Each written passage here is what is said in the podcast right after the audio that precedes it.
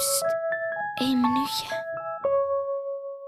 Je kan nooit herinneren wanneer je in slaap gevallen bent. Je moet gewoon wachten eigenlijk. Dan ben ik bijvoorbeeld wel heel moe, maar op de een of andere manier dan kan ik gewoon niet slapen. Ja, echt heel stom. Heel stom.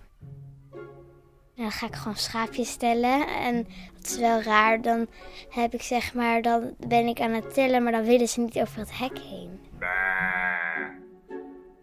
Ik ga soms stiekem lezen. Ik ga meestal eerst op mijn linkerkant en dan weer op de andere kant. Soms doe ik net alsof ik een nachtmerrie heb en dan komt mijn moeder me in mijn bed stoppen, wat vind ik zo lekker, snap je? En eh, ze trapt altijd in.